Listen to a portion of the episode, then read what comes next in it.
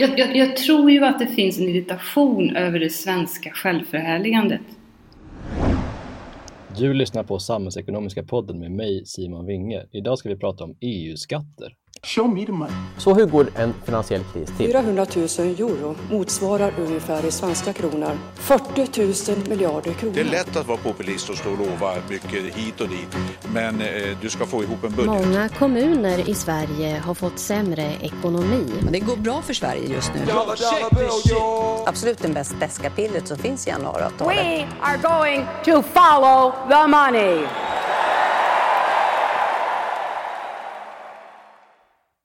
Hej och välkomna till Samhällsekonomiska podden som leds av mig, Simon Winge, chefsekonom på Akademikerförbundet SSR.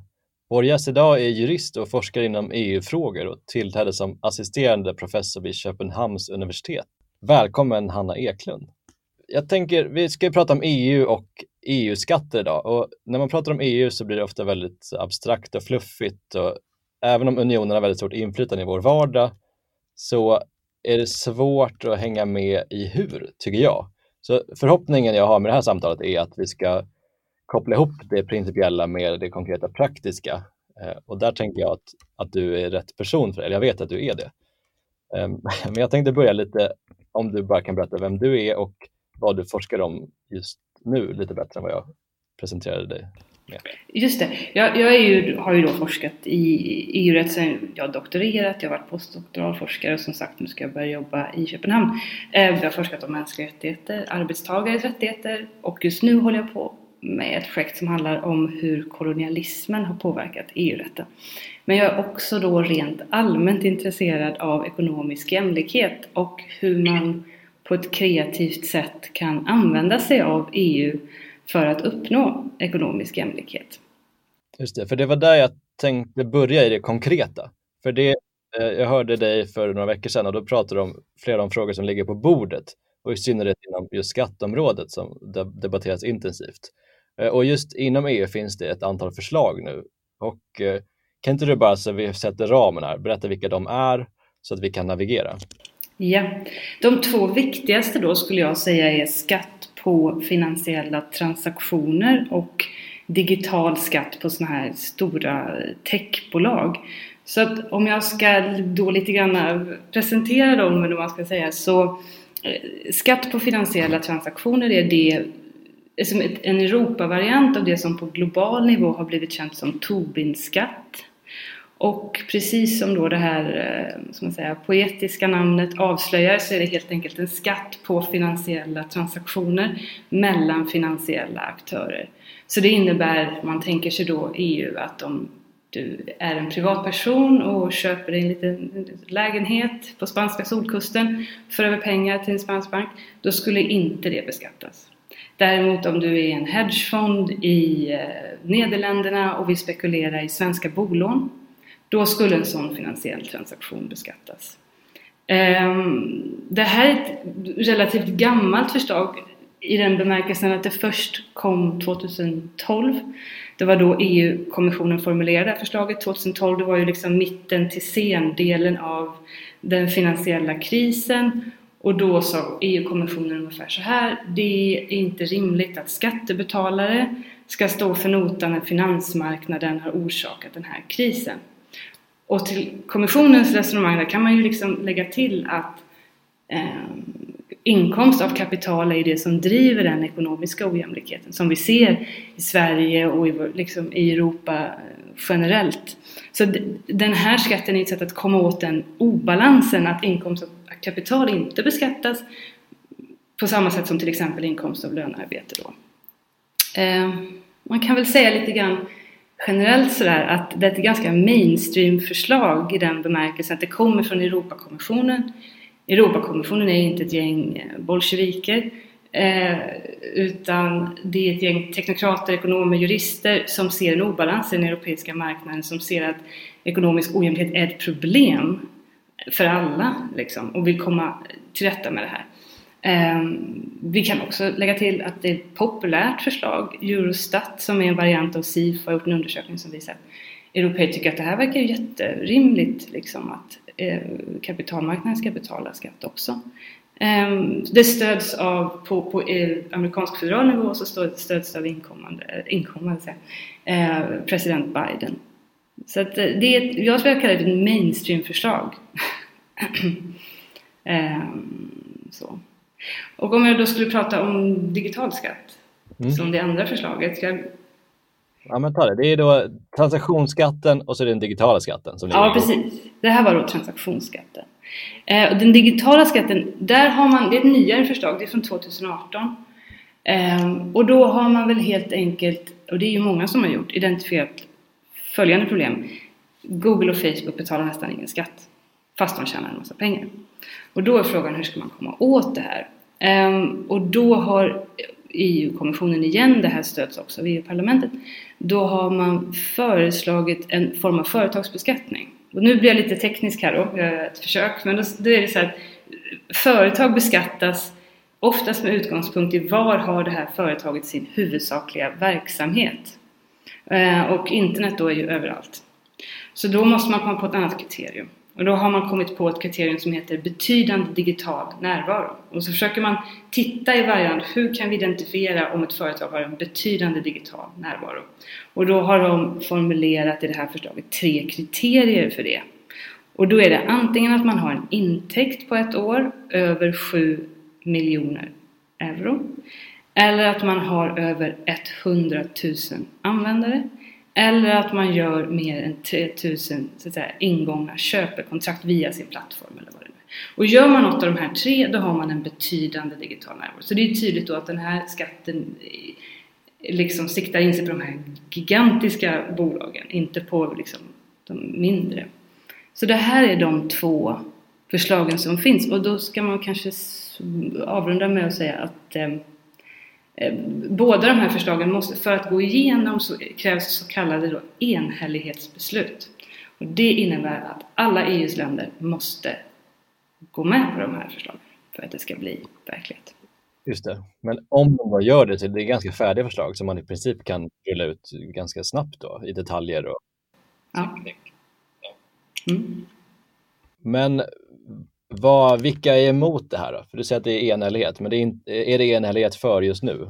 Nej, och då, för då, eftersom vi är här i Sverige så kan, kan vi fokusera på Sverige och då är alltså Sverige emot båda dessa förslag. Om man tar skatt på finansiella transaktioner till exempel, som är det som är lite äldre, så stöds det av de flesta stora länderna. Eller alla stora länder egentligen, eh, nu när Storbritannien inte är med längre. Eh, Tyskland, Frankrike, eh, Italien, Spanien, Grekland och så vidare. Så det är vi och är det, vilka är mer emot? Ja, vad är det? Gänget blir ju då åtminstone skatt på finansiella transaktioner där det är lite tydligare. Digital skatt är fortfarande så att säga någon slags process. Tror många länder inte riktigt har gjort uttalanden än. Sverige har sagt att man är emot men, men jag vågar inte riktigt säga hur det ser ut i övrigt. Nej men emot Ungern, Polen, vad blir det, Irland?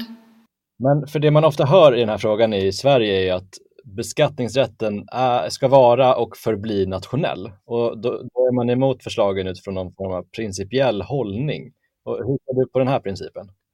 Ja, om man skulle formulera det så här. Är beskattningsrätten nationell, sant eller falskt? Då skulle jag säga falskt. Alltså EU har reglerat det som kallas turnoverskatt, en variant av eh, moms, sedan 1967. Och man har reglerat all moms sedan mitten på 90-talet. Och anledningen till att eh, man gjorde det var ju att momsen på något sätt liksom växte ur det nationella. Det gick inte, det var inte längre praktiskt att beskatta moms på nationell nivå. I takt med att handeln växte ur den nationella liksom, eh, kontexten om man ska uttrycka det. Och det här har ju blivit en enorm fördel för företag att, i Europa att, att man betalar samma momssats oavsett var i Europa man befinner sig i och att man kan handla och köpa varor och tjänster och sådär.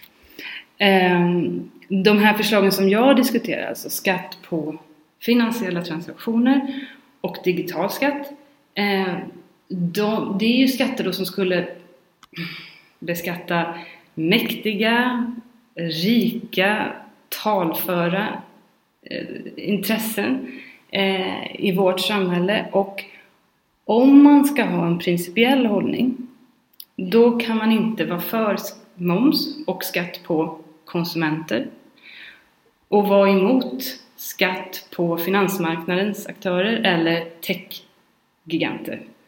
Eh, så därför skulle jag vilja säga att Sverige inte har en principiell hållning. Så kan man säga att du tycker man gömmer sig bakom principiella resonemang för att eh, ja, inte man gömmer sig bakom de resonemangen, är det så man kan ta? Lite så tycker jag man, man kan få intrycket av. Det är något, något det, precis, det, det, det, principiella argumentet håller inte så att säga eh, när man tittar på hur det ser ut eh, och eh, momsen är väl det största så att säga beviset för det.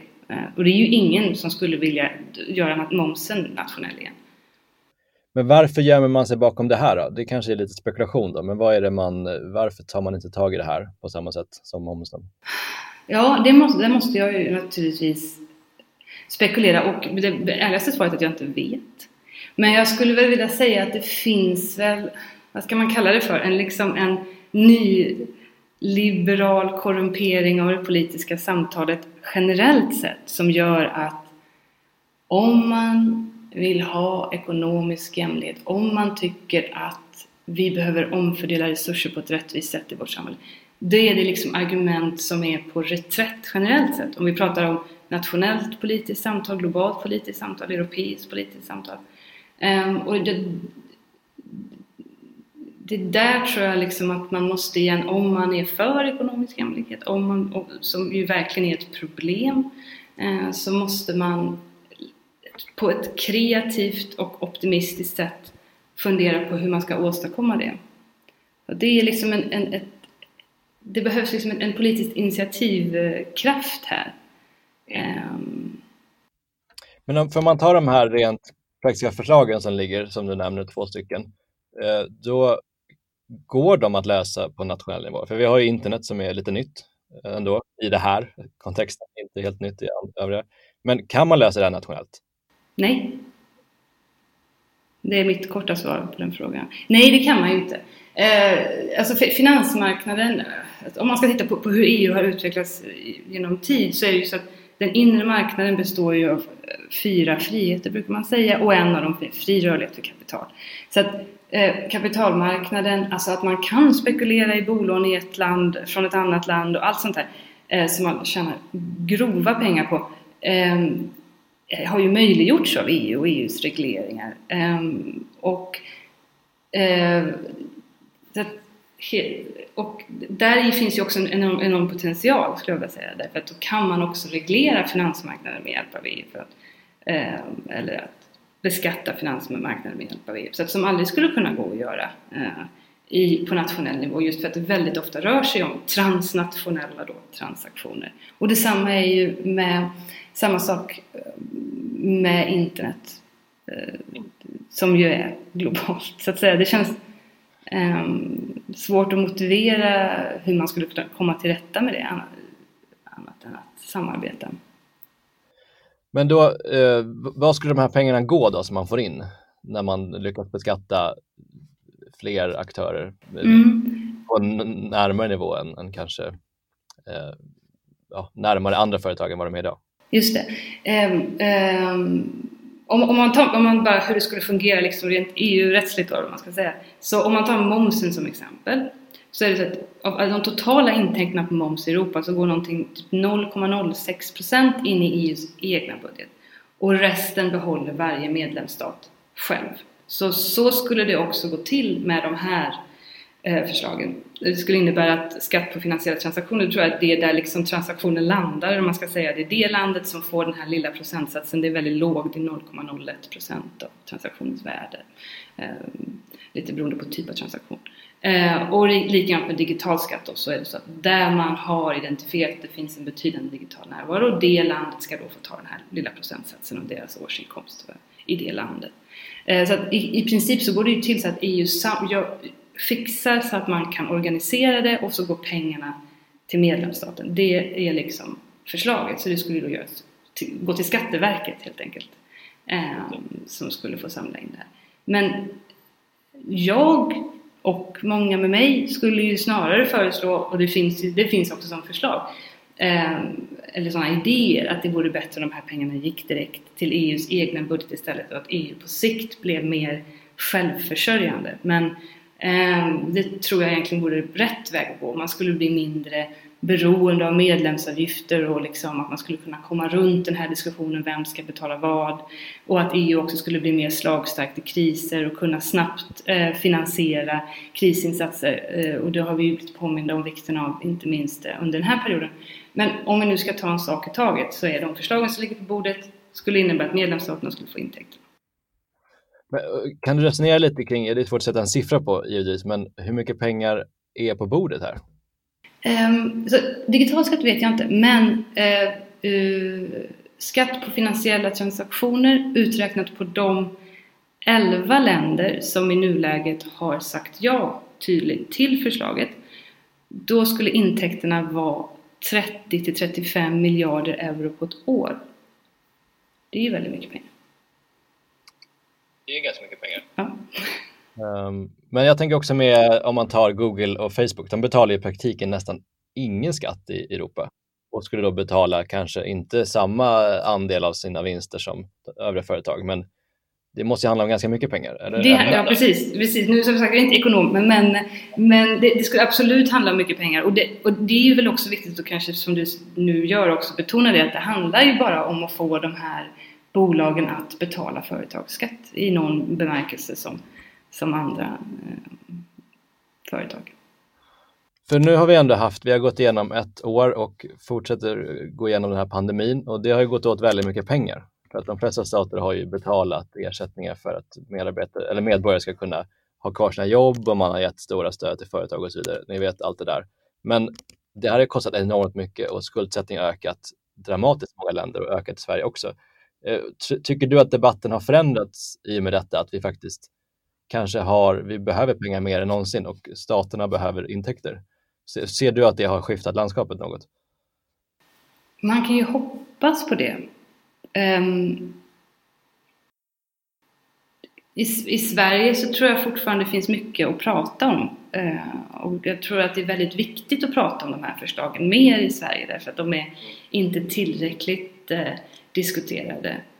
Eh, Frankrike är ett väldigt bra exempel på det. Man pratar väldigt mycket om den här typen av förslag.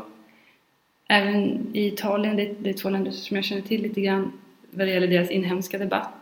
Jag tror att unga människor, alltså vår generation, är, är liksom mer på hugget och vill tänka hur kan vi liksom skapa en jämlikhetspolitik för den här samtiden som är en samtid av liksom, internet, det som man brukar lite teoretiskt kalla det, det liksom finansiell kapitalism, alltså vi lever med alltså en, en, typ av kapitalism som är i, i, finansiell till största delen.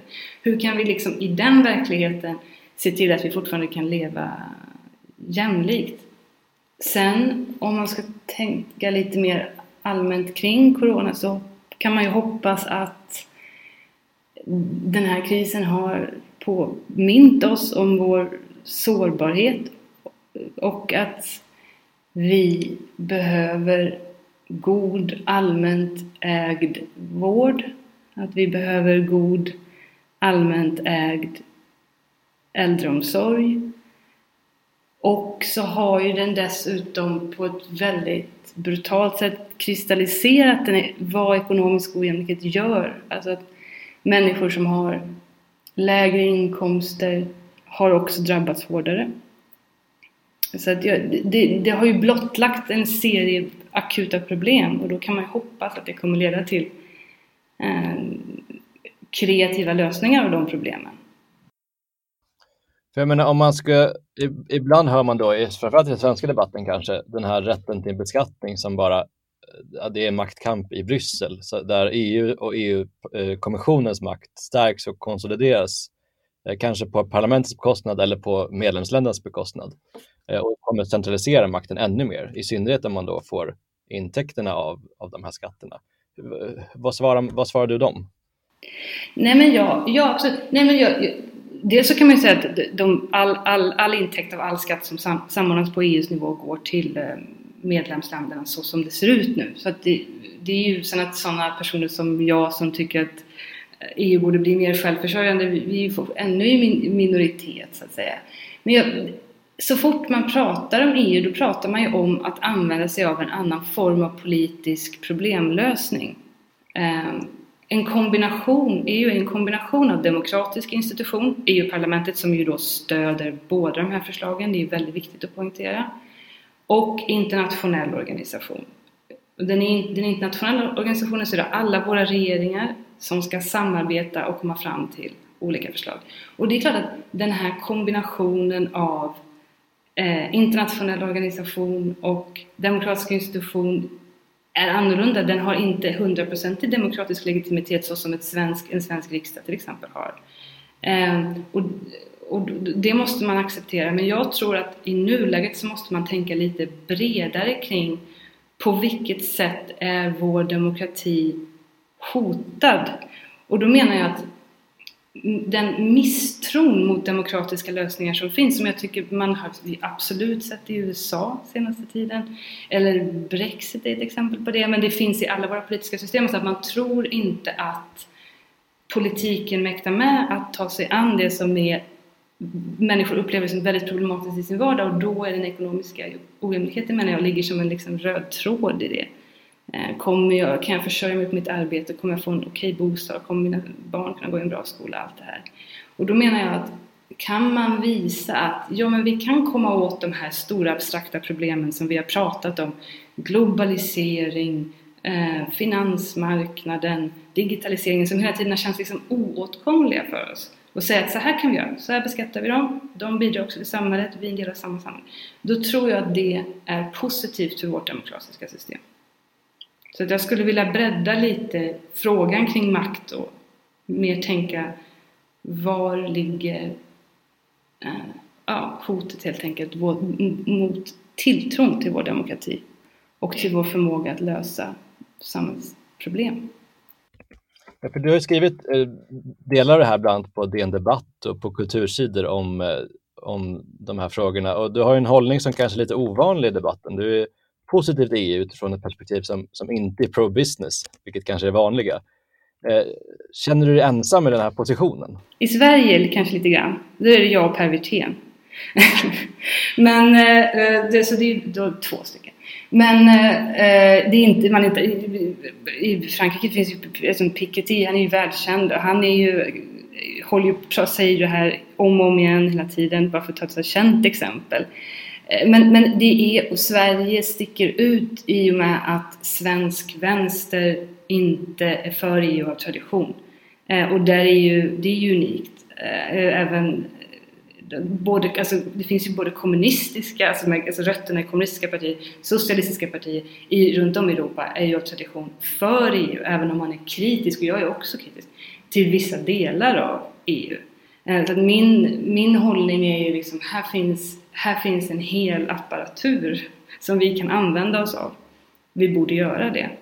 Eh, men visst, i Sverige är det inte så jättemånga som kanske hittills i alla fall, eh, har diskuterat EU på det sättet.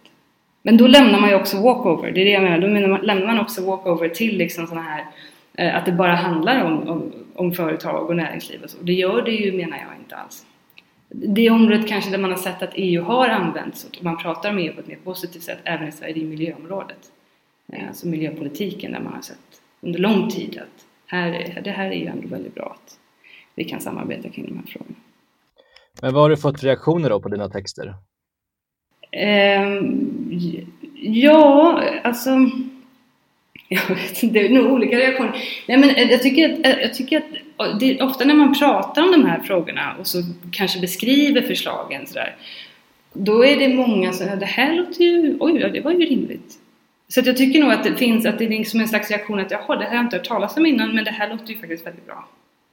Um, så att eh, jag är ändå hoppfull att om man pratar och förklarar och debatterar och diskuterar ehm, att det kan liksom eh, komma någon slags vändning. Men, men det, det, nu pratar jag ju om Europapolitik men det är även nationell politik. Alltså vi behöver ju en ny vår för ekonomisk jämlikhetspolitik på alla nivåer. Eh, och vi behöver också på ett tydligt sätt förklara hur de hänger ihop, de här nivåerna som man pratar om. Um... Men för man tar de här, om du ska titta lite i spåkulan då, och så tar man de här två förslagen vi har, har pratat om. Eh, kommer det gå för de här? För parlamentet är som du säger för och kommissionen har ju lagt fram förslagen, men det fastnar i rådet. Men vad tror du, är du optimistisk att det här kan bli verklighet eller kommer det dö någon form av byråkratisk död? Ja, det är en väldigt bra fråga. Det, saker med EU, min så att säga, reflektion, antingen kan det gå väldigt fort eller så kan det gå exceptionellt långsamt. Men det enda jag kan säga med säkerhet är att eftersom att det är enighetsbeslut då, om Sverige är med och om Sverige väljer att istället stödja de här förslagen så kommer det gå fortare. Det är det enda jag kan säga med säkerhet. Sen hur lång tid det kommer att ta, det är, det är otroligt svårt att säga. Men det beror ju på hur man, hur man argumenterar och hur, och hur länder ställer sig. Och där är det jätteviktigt att ett land som Sverige eh, ställer sig positivt. Ehm.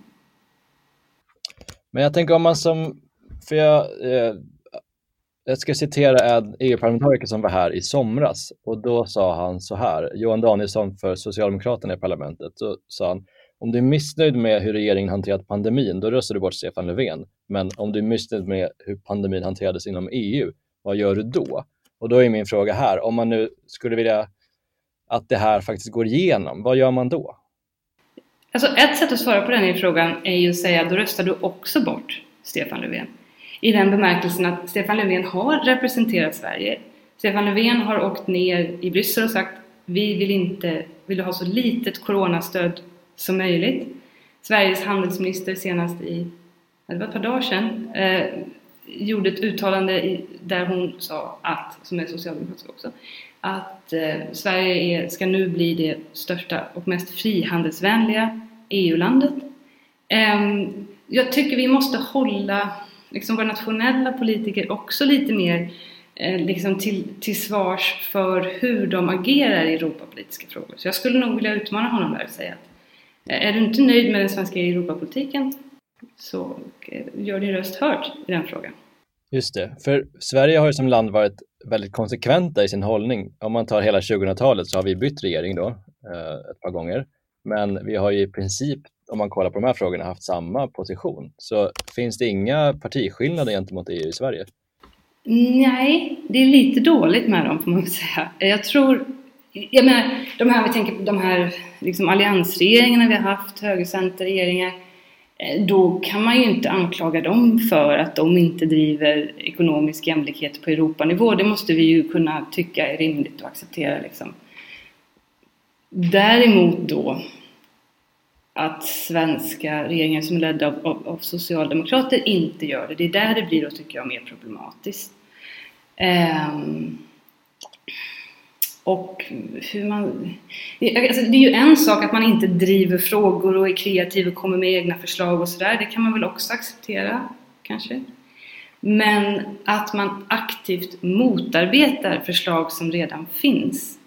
Förslag för ekonomisk ojämlikhet, för en mer välbalanserad marknad som, som liksom ser till att, att man ska säga, att marknaden inte bara skapar ytterligare ojämlikhet utan faktiskt bidrar också till samhället då i form av till exempel de här två eh, skatterna. Mm. Att man inte stödjer sådana förslag, det blir ju mer, hur ska jag uttrycka mig, direkt genant. Speciellt om man tittar på det utifrån det perspektivet att det finns många socialistiska och vänsterpartier i Europa som driver de här frågorna och verkligen försöker få dem på och försöker få till en förändring. Eh, och att då Sverige liksom inte är med i det samtalet är, ehm, tycker jag, väldigt problematiskt. Till det kan man ju lägga att man ofta hör i Sverige att nu var ju så, liksom Storbritannien, de var ju våra liksom, allierade, vi hade samma, nu är det, när de är borta så måste vi då, som den här handelsministern sa för ett par dagar sedan, ta över manteln här i frihandelsfrågorna. Och där tycker jag är viktigt att poängtera att vilket Storbritannien pratar vi om där? Alltså det vi pratar om är Torypartiet i Storbritannien.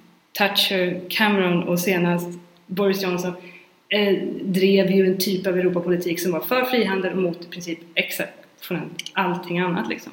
Och den tomrummet tycker inte jag att Sverige ska ta på sig ansvaret att fylla. Men skulle du säga att, att Sverige har tagit över faktiskt positionerna som Torypartiet har haft i Storbritannien, ett, väldigt, ett djupt konservativt eh, parti och, och, och driver Sverige samma frågor nu? Ja, det finns åtminstone en sån koppling och jag tycker att det är påfallande ofta som Sverige, och, och det gjorde ju Reinfeldt också, men liksom att nu även då socialdemokratiskt ledda regeringar pratar om att de hade den här eh, alliansen med Storbritannien, samsyn i många frågor och nu när de är borta så, eh, så får man liksom stå själv och försöka formulera de här positionerna. Det, det här sparsamma fyran, frugala fyran, vad det nu var under den här corona eh, fondförhandlingen som man stolt proklamerar sig att nu ska vi minsann vara snålast i EU. Eh, det finns, man gör en sån koppling hela tiden. Den menar jag är, är omöjlig att förklara utifrån ett ideologiskt perspektiv. För om man tar återigen det, vad kan man göra som, som medborgare i Sverige? För då kan man rösta på en parlamentariker eh, om man vill förändra de här två frågorna. Men där har ju parlamentet, en, en, där har ju de rundats nu. De är bara rådgivande i de här frågorna. Och så kan man rösta bort, som du säger, Stefan Löfven kanske. Men i praktiken så kommer man inte ändra Sveriges position för det, för att det finns en annan position. Behövs det nya institutioner för att eh, kanalisera de, alltså vissa, vissa demokratiska yttringar? Men jag, jag, tror, om man ska vara lite optimistisk, jag tror ju ändå jag tror ändå det också att man tänker så här, jag brukar säga när jag undervisar då i EU så brukar jag säga så här att eh, eh EU är lika gammal som min mamma. Och hon är inte speciellt gammal, hon är inte ens pensionerad. Eh, det är liksom en ny organisation, det är en ny, ett nytt sätt att tänka politiskt. Sverige har bara varit medlem sedan 95, röstade 94. Så att det, man måste ändå även om jag kan bli väldigt ivrig ibland personligen till exempel då, eh, så måste man ändå kanske ha det här perspektivet att det är nytt och jag kan ändå vara hoppfull och tänka att om vi bara får ett bättre politiskt samtal om EU och EU-frågor, tydligare ideologiska skiljelinjer i Europapolitiken i Sverige, då kommer det bli ett sätt att kunna rösta på en EU-politik som man vill ha. Nu har vi inte nämnt Vänsterpartiet, men Vänsterpartiet driver ju liksom en helt, ska jag uttrycka det, ogenerad politik i EU-frågor som, som i bara artigaste fall kan beskrivas som höger. Eh, när de liksom är i Bryssel, och det är ju jätteproblem liksom. Så det finns mycket att göra här men jag tror ändå att det kan förändras och då kommer vi också att kunna eh, liksom få ett ansvarsutkrävande om vi bara har tydliga ställningstaganden i, i Europapolitiska frågor. Men rent krasst om man, om man ser tillbaka på de sista åren så har ju Sverige varit så här, vi har sagt nej till i princip allt. Och då har vi ursäktat det med att nej, men vi har en sån unik modell, vi har ett system som inte går att förstå för någon annan, så det här, det, inget appliceras på oss, så vi säger nej. Men hur ser man på det från Europa? Mm. Jag, jag, tror ju jag, jag, jag, tror ju att det finns en irritation över det svenska självförhärligandet. Eh, och den kan man stöta på på lite olika sätt, är min erfarenhet. Jag, tror, jag läste en intervju med Margot Wallström någon gång när hon sa att varenda gång hon är på ett möte med svenskar så börjar de och så säger de In Sweden we have a system och sen förklarar de liksom. Så det är väl det lite grann din fråga eh, ute efter. Jag tror, så att jag tror att det är problematiskt och jag tror inte att man nödvändigtvis i andra länder är så övertygade om att vi gör saker så är jättebra som vi kanske själva är. Jag får väldigt ofta frågan om varför vi har gjort den här exempel privatisering av välfärden. Det är en fråga som väldigt ofta kommer. Vad, vad, på detta märkliga sätt att privatisera, av till exempel. Ehm, alltså, jag, tror, jag tror att vår position som var naturligtvis, vi är en fantastisk välfärdsstat som byggdes upp och så, men jag tror att vi det liksom börjar, vi kan liksom inte riktigt, ehm, vad, vad, ska man säga, eh, använda oss av den credden på samma sätt som vi kanske kunde för 10-15 år sedan. Nu behöver vi liksom, tror jag, fräscha upp oss lite grann på den, eh, i den, eh, vad ska jag kalla det för, eh, på, på, det området. Men om man då ska tänka liksom lite mer positivt och inte bara kritisera Sverige då, så kan man tänka så här, vi har en trovärdighet, vi har en historisk liksom, erfarenhet av frågor som har med ekonomisk jämlikhet att göra. Så att om vi, skulle uttrycka oss här, om vi ska ge oss ut i Europadebatten och säga okej, okay, här är vi, vi är med, nu skapar vi ekonomisk jämlikhet även på, med hjälp av Europa. Då tror jag att man skulle kunna få gehör för det. det finns ju ändå en tradition att falla tillbaka på. Även om vi kanske så att säga har startat upp våra, vår 20, 25, vad det nu är, årsperiod här som medlemmar med liksom som nej-sägare så tror jag ändå att vi skulle vara välkomna som ja-sägare också. För om man tar, du nämner Brexit där och eh, det blir också fortsatt spekulation och du har lite besvarat den kanske, men kommer Brexit isolera oss ännu mer? För vi var ju ganska nära Storbritannien, eller kommer den ge oss då möjlighet att kanske bli mer en del av Europa?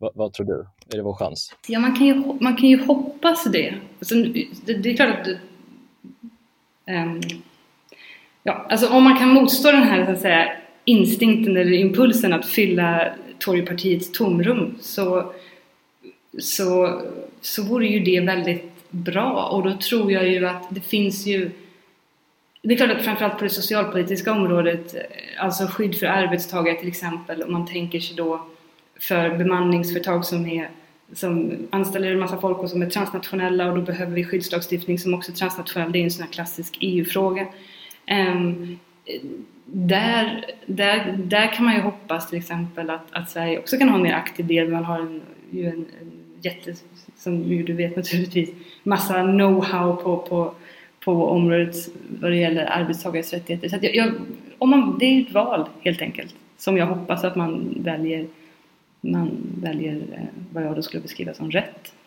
Just det. Men om jag ska försöka mig på att tolka dig här bara utifrån podden så är det kanske att vi ska utgå från sakfrågorna snarare än att gömma oss bakom principerna. Är det, har jag förstått det rätt då? Ja, man kan ju prata om bägge två, men det jag menar är att jag tror att om vi bara hamnar... EU, så att säga rent juridiskt så finns det då EU-fördrag som beskriver hur EU ska fungera och vad som ska vara vad. Och i nuläget, som jag sa innan, så har vi ju en blandning av eh, demokratisk institution och internationell organisation. Och jag tror att om man bara fokuserar på hur ska vi ändra det, ska vi ska EU göra mindre, mer, mindre, mer, mindre, mer, då blir det liksom en låsning. Jag tror att vi accepterar EU som det är idag, det är den här blandningen av de här två sakerna. Och så tänker vi, vad kan EU göra som vi inte kan göra på nationell nivå för att skapa ekonomisk jämlikhet? Och så börjar vi där liksom. Sen, om man tänker sig in i framtiden så hoppas jag att EU kan bli bara demokratiska institutioner. Så att vi väljer helt enkelt direkt våra EU-parlamentariker och så väljer de i sin tur en kommission eller en slags ex exekutiv Eh, ett exekutivt eh, organ och så kör vi så liksom. Men i väntan på det så måste vi tänka, okej, okay, med det vi har just nu, vad kan vi göra då? Därför att problemen som vi har i vårt samhälle är så pass stora att vi kan inte luta oss tillbaka och liksom ha något samhällsvetenskapligt seminarium i vad är liksom rätt institutionell balans eller sådär. Kommer vi ingenstans med menar jag. Och då, två av de saker man då kan göra är dels de här skatteförslagen men, men också klimatskatter och regleringar. Är det något mer, finns det något mer lågt hängande frukt eller är, de två, är det de två, två viktigaste? Jag är också lite, eh, jordbrukspolitiken, det är ju en sån här klassiker som alltid är jätteutskälld. Men, och, och det beror ju på att jordbrukspolitiken inom EU är en annan som varit 1000 procent inte marknadsorienterad utan den har ju varit helt inriktad på att bevara småskalighet, bevara saker som är helt ekonomiskt inte gångbara liksom och stödja det. Eh, och när det så att säga på 80-talet, tidigt 90-tal så var ju det som det värsta man kunde göra. Då skulle det vara liksom storskaligt och eh, marknadseffektivt och så. Va? Men nu har ju liksom, tycker jag, tiden kommit ikapp jordbrukspolitiken så helt plötsligt så är det ju egentligen helt modernt att tänka sig att man ska stödja småskalighet och liksom alltifrån liksom små ankor i eh, Frankrike till liksom ekologisk glass i Halland och liksom överallt i Europa är det ju, får ju jordbruket en massa pengar för att göra saker som annars inte hade varit ekonomiskt gångbart. Så det måste jag säga att jag tycker att vi nog ändå ska ta oss en funderare på om inte det ändå fanns, finns vissa bra grejer där. Och man kan utveckla ännu mer naturligtvis. Ja, intressant. Jag tänkte vi skulle runda av den här podden med några sådana skjutjärnsfrågor, ja eller nej-frågor. Oj då. Ja. du har ju utvecklat svaren kanske innan, så då får man gå tillbaks och lyssna på varför. Då. Och jordbruksstöd var just en sån och då var bra eller dåligt, ja eller nej? Ja, ja, ja men då kör vi på ja. Mm -hmm. Sverige med i euron, ja eller nej? Ja, men jag skulle nog ändra lite i EMU först, om jag får svara. Men en gemensam valuta, där Sverige är med? Ja. Europeiska minimilöner? Ja. Men, men alltså, jag skulle gärna vilja utveckla det svaret mer. Jag tycker det har fått en väldigt, jag tyckte att jag, debatten i Sverige är väldigt känslig. Och jag förstår att det är en väldigt känslig fråga i Sverige. Men jag, jag tror att eh, det ändå är rätt väg att gå. Rabatter på medlemsavgiften, ja eller nej? Nej, får jag väl säga. Eller ja, eller gör om medlemsavgiften överhuvudtaget. Jag, jag, jag, hemskt jag är jättedålig på det här ja och nej, märker jag nu här jag svarar för långt. Jag tycker det var ganska ja eller nej. Okej. Eh, Men eh, du kan få då en chans, det var inte, jag hade inte förberett den frågan, men med minimilönerna, Eh, det var egentligen inte fokus på det, men du får gärna om du har några ord om det. Om minimilön. Nej men jag tror ju att jag tror att eh, mm. precis som i Lavalfrågan som var senaste gången som, som man diskuterade den svenska modellen. Jag tror ju att de här undantagen som görs för Sverige och Danmark står sig. Och jag tror, alltså i den bemärkelsen att Sverige kan fortfarande förhandla sin egen lön och förhandla, eh, så att säga, eh, den nivå som man vill ha. Samtidigt som vi kan i Europa generellt sett ha en lägsta lön som man inte får gå under. Jag tror inte att de är oförenliga, de två sakerna. Och ibland beskrivs de som oförenliga. Och det menar jag att de inte är. Just det. Och den frågan lär ju fortsätta diskuteras i, i flera år framöver och den Ja. är väl öppen. Men med det säger jag stort tack till dig Hanna. Tack Simon! Och det var allt för Samhällsekonomiska podden den här veckan. Tack för oss.